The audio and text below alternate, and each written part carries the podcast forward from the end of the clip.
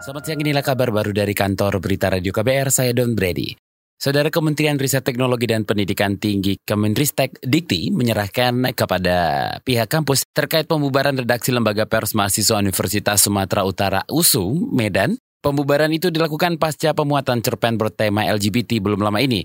Meski begitu, Menristek Dikti Muhammad Nasir menekankan tidak boleh ada diskriminasi terhadap LGBT di dalam kampus. Oh, itu kan melanggar kode etik. Kalau urusan LGBT itu, itu urusan kampus lah ya. Kalau Kemenristek Dikti sepanjang itu mel tidak melanggar masalah akademik silakan. Tapi kalau itu melanggar uh, kode, eh, melanggar akademik, melanggar etika itu urusannya nanti kampus lah yang tindak lanjuti. Muhammad Nasir menilai kampus adalah ruang ilmiah yang tidak boleh ada diskriminasi di dalamnya. Saat ini Rektor USU telah merombak susunan redaksi Lembaga Pers Mahasiswa Suara USU.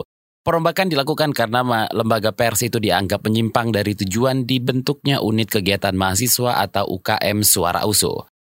Rektor Universitas Sumatera Utara USU Runtung Sitepu membantah akan membubarkan unit kegiatan mahasiswa UKM Suara USU. Kabar rencana pembubaran itu mencuat menyusul adanya polemik unggahan cerpen tentang LGBT berjudul Ketika Semua Menolak Kehadiran Diriku di dekatnya. Ia menyatakan tidak akan menyangsi seluruh mahasiswa yang ada di UKM Suara USU, termasuk penulis cerpen Yael Stefani Sinaga. Uh, suara USU tidak dibubarkan, itu malah diperkuat. Cuma orang-orangnya semua diganti karena sudah menyimpang dari tujuan dibentuknya UKM Suara USU.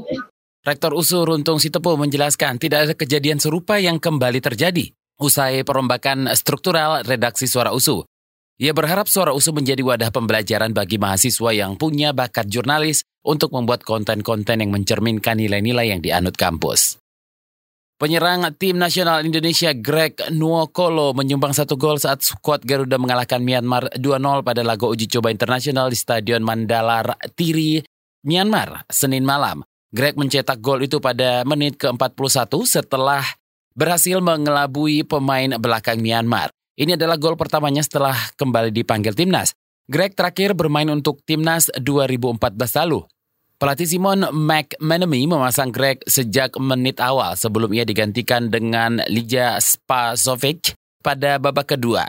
Jelang menit akhir babak kedua, Spaso turut mencetak gol lewat titik putih. Ini menjadi laga debut pertama Simon McManamy sejak resmi menjadi pelatih Indonesia pada Januari lalu.